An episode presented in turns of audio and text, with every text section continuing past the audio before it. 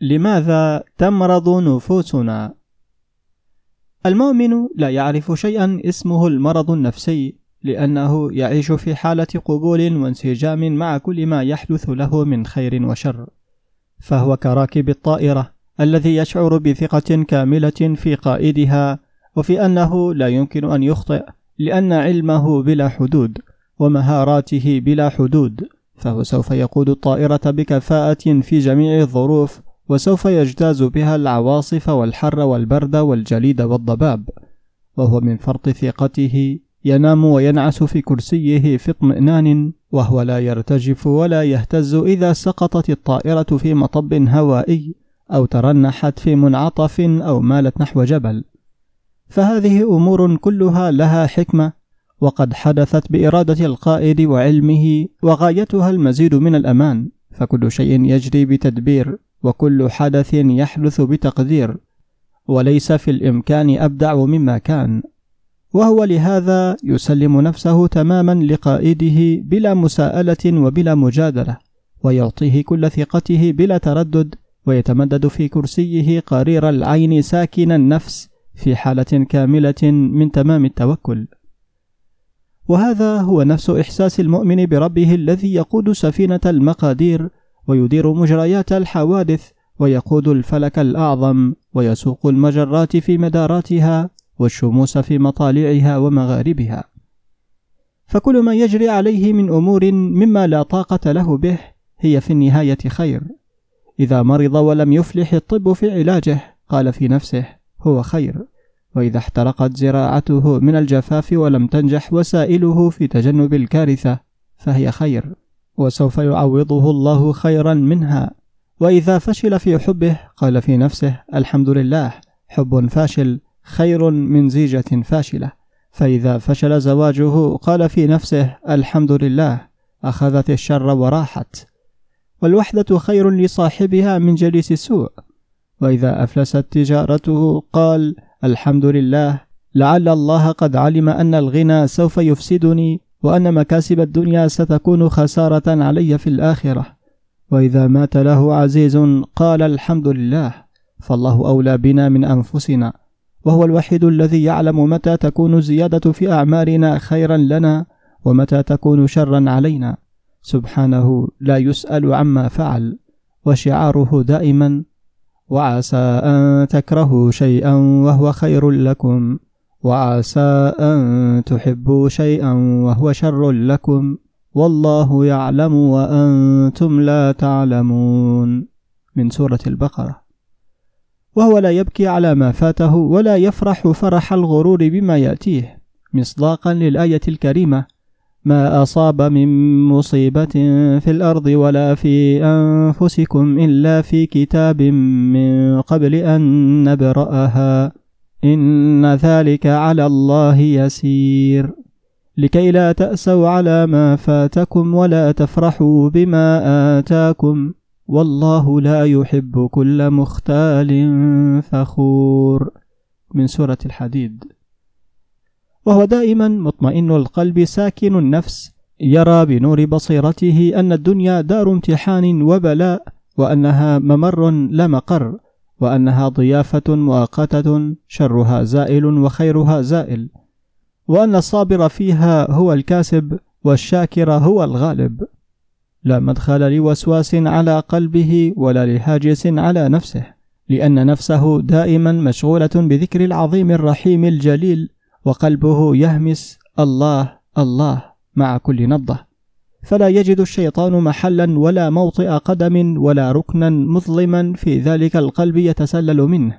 وهو كما يقول العارفون الكمل قلب لا تحركه النوازل ولا تزلزله الزلازل لأنه في مقعد الصدق الذي لا تناله الأغيار.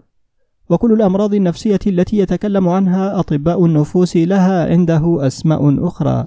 الكبت اسمه تعفف والحرمان رياضة والإحساس بالذنب تقوى. والخوف وهو خوف من الله وحده عاصم من الزلل والمعاناة طريق الحكمة والحزن معرفة والشهوات درجات سلم يصعد عليها بقمعها ويعلو عليها بكبحها إلى منازل الصفاء النفسي والقوة الروحية. والأرق مدد من الله لمزيد من الذكر والليلة التي لا ينام فيها نعمة تستدعى الشكر. وليست شكوى يبحث لها عن دواء منوم. والندم مناسبة حميدة للرجوع إلى الحق والعودة إلى الله. والآلام بأنواعها الجسدي منها والنفسي. هي المعونة الإلهية التي يستعين بها على غواية الدنيا فيستوحش منها ويزهد فيها ويتقوى عليها. واليأس والحقد والحسد أمراض نفسية لا يعرفها ولا تخطر له على بال. والغل والثأر والانتقام مشاعر تخطاها بالعفو والصفح والمغفرة وهو لا يغضب إلا لمظلوم ولا يعرف العنف إلا كبحا لظالم. والمشاعر النفسية السائدة عنده هي المودة والرحمة والصبر والشكر والحلم والرأفة والوداعة والسماحة والقبول. تلك هي دولة المؤمن التي لا تعرف الأمراض النفسية ولا الطب النفسي. وعلم نفس فرويد وآدلر وغيرهم من علماء الغرب يقف عاجزا خارج أبواب هذه النفس المؤمنة. ولا حاجة لهذه النفس الكاملة إلى ترهات فرويد وعقده وكوابيسه لأنها تخطت الفلك الفرويدي وتخطت النفس الحيوانية التي يتحدث عنها فرويد وارتفعت بإيمانها إلى فلك آخر نوراني لا يعرفه علم النفس الغربي. وهذا الإيمان العالي هو في ذاته شفاء النفوس وبلسم الأرواح وهذا الإيمان هو الذي أصلح بال صاحبه مصداقا للآية الكريمة والذين آمنوا وعملوا الصالحات وآمنوا بما أنزل على محمد وهو الحق من ربهم كفر عنهم سيئاتهم وأصلح بالهم من سورة محمد. والتوحيد هو الذي سلك المشاعر المضطربة في تلك النفس ووحدها وأنقذها من التيه والشتات بين آلهة متعددة تخاف من هذا وذاك. والأصنام المعبودة مثل المال والجنس والجاه والسلطان تحطمت ولم تعد قادرة على تفتيت المشاعر وتبديد الانتباه فاجتمعت النفس على ذاتها وتوحدت همتها. وانقشع ضباب الرغبات وصفت الرؤية وهدأت الدوامة وساد الإطمئنان وأصبح الإنسان أملك لنفسه وأقدر على قيادها وتحول من عبد لنفسه إلى حر بفضل الشعور بلا إله إلا الله وبأنه لا حاكم ولا مهيمن ولا مالك للملك إلا واحد. فتحرر من الخوف من هذا الحاكم ومن ذلك الكبير حتى الموت عنده أصبح تحررا وانطلاقا ولقاء سعيدا بحبيب. اختلفت النفس وأصبحت غير قابلة للمرض وغير قابلة للتهديد وغير قابلة للإرهاب. أصبحت كما يقول الخطاب الرباني في كتاب المواقف والمخاطبات للنفري إذا انكشف لك سرك فما عدت أنت أنت. أنت مني أنت تليني وكل شيء في الوجود يأتي بعدك. لا شيء يقدر عليك إذا عرفت مقامك ولزمت مقامك. فأنت أقوى من الأرض والسماء أقوى من الجنة والنار أقوى من الحروف والأسماء أقوى من كل ما بدأ في دنيا وآخرة. وتلك النفس التي يتكلم عنها النفري هي النفس الربانية التي ترى ببصر الله وتسمع بسمعه وتعمل بقوته فلا شيء يهزمها. وقد ارتفعت إلى هذه المنزلة بالإيمان والطاعة والعبادة فأصبح اختيارها هو ما يختاره الله. وهواها ما يحبه الله. وذابت الأنانية والشخصانية في تلك النفس فأصبحت أداة عاملة ويدا منفذة لإرادة ربها. وأصبح كلامها هو كلام العبد الصالح في سورة الكهف. ذلك العبد الذي خرق السفينة وقتل الغلام وأقام الجدار. ثم قال لموسى في النهاية مفسرا لغز ما صنع وما فعلته عن أمري. ذلك تأويل ما لم تستطع عليه صبرا. فشأنه في النهاية أصبح كشأن الملائكة. شؤونهم هي شؤون ربهم فهم جنود لإرادته.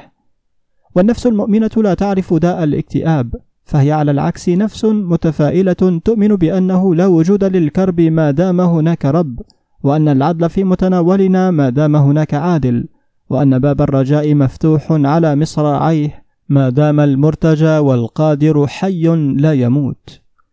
والنفس المؤمنة في دهشة طفولية دائمة من آيات القدرة حولها وهي في نشوة من الجمال الذي تراه في كل شيء ومن إبداع البديع الذي ترى آثاره في العوالم من مجراتها الكبرى إلى ذراتها الصغرى إلى إلكتروناتها المتناهية في الصغر.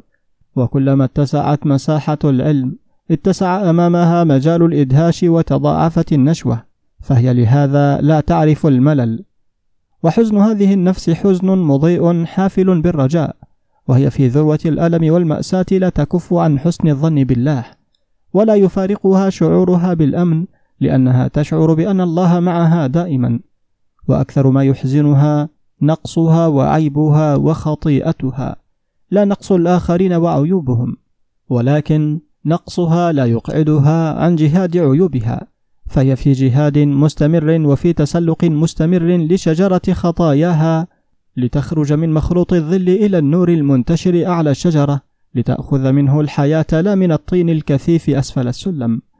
إنها في صراع وجودي وفي حرب تطهير باطنية ولكنه صراع هادئ واثق لا يبدد اطمئنانها ولا يقتلع سكينتها. لأنها تشعر أنها تقاتل باطلها بقوة الله وليس بقوتها وحدها.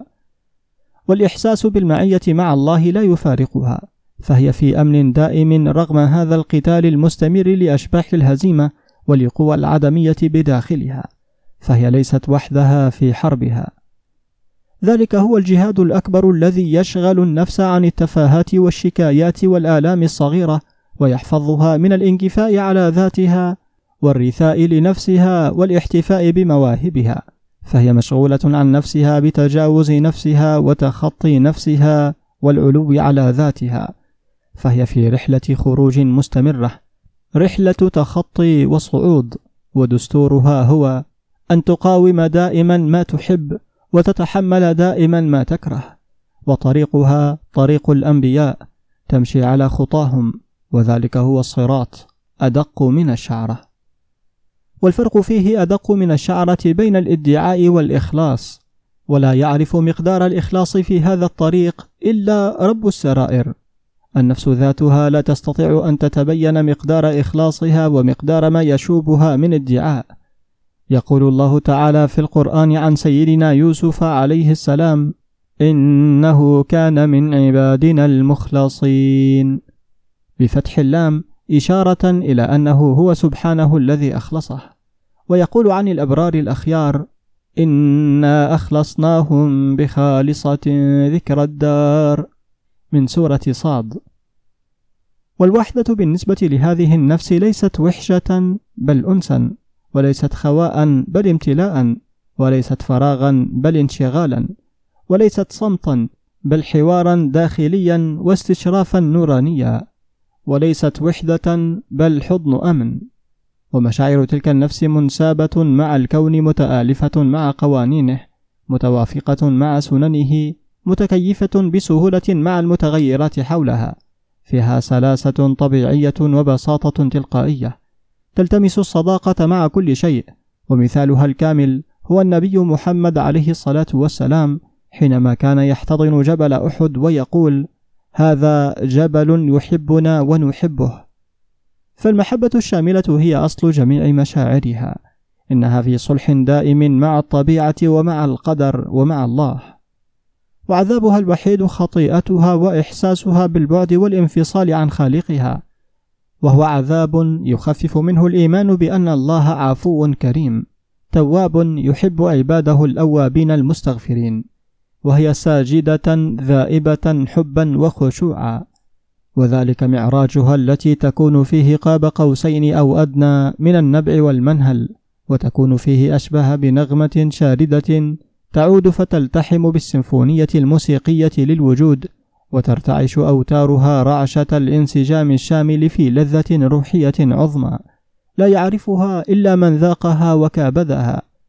يقول العارفون الأكابر نحن في لذة لو عرفها الملوك لقاتلونا عليها بالسيوف ولكن أن للملوك أن يعرفوها وهم غرق الدنيا وسجناء ماديتها.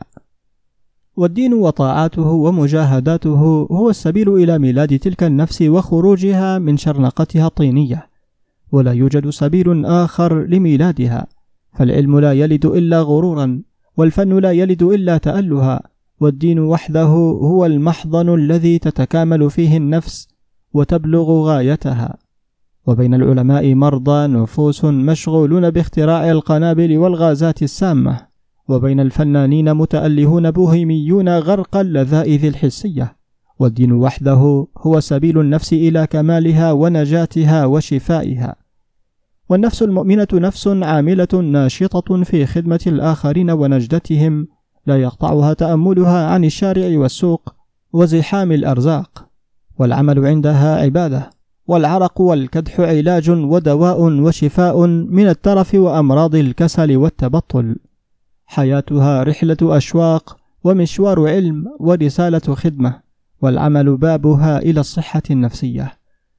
ومنتهى املها أن تظل قادرة على العمل حتى النفس الأخير وأن تموت وهي تغرس شجرة أو تبني جدارا أو توقد شمعة.